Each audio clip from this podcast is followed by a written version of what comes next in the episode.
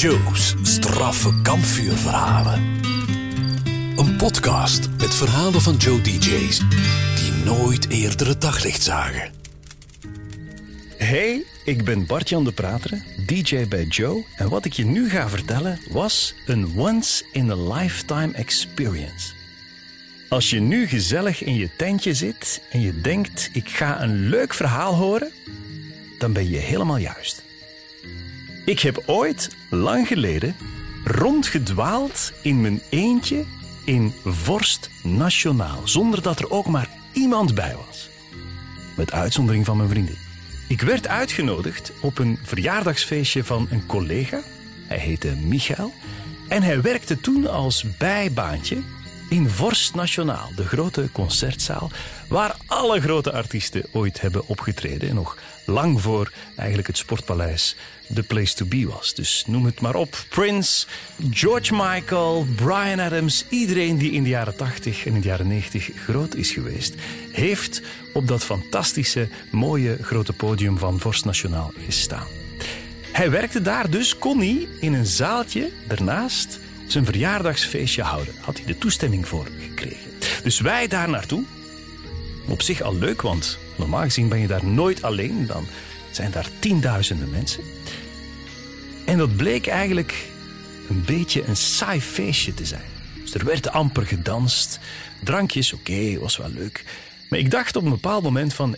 Als we nu eens op verkenning gaan in dit gebouw. Want ja, er is hier vanavond niks te doen, dus Laten we eens kijken wat er uh, te gebeuren valt. En we vluchten eigenlijk weg uit dat zaaltje via een deur die tot mijn grote verbazing open was. Ik kwam in een halletje terecht en de volgende deur was ook open. En ik kwam eigenlijk meteen in de grote concertzaal van Vorst Nationaal. Het was er donker, er waren alleen zo die veiligheidslichtjes en dan die, ik weet niet hoeveel, die duizenden stoeletjes die rondom rond zo gevormd zijn.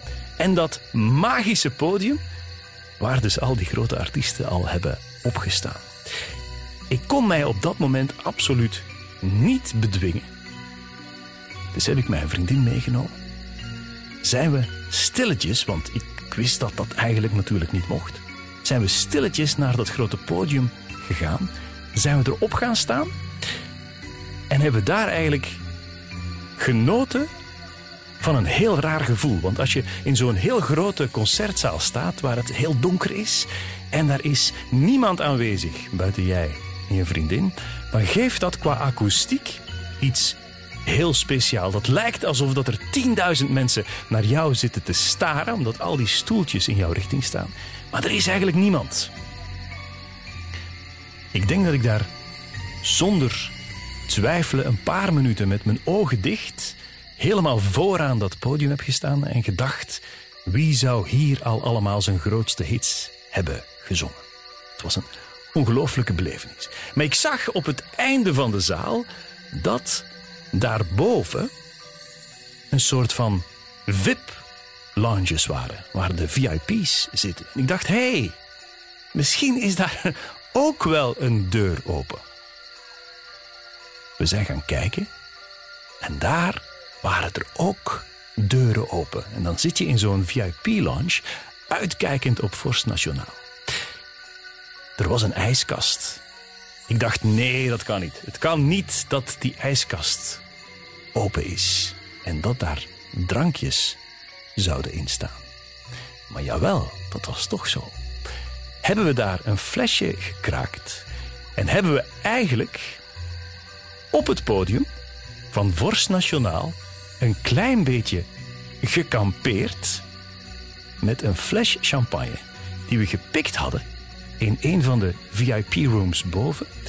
En dat was zo een unieke belevenis dat ik dacht ik zou dit zo graag nog eens meemaken. Maar je weet dat dat een once-in-a-lifetime experience was.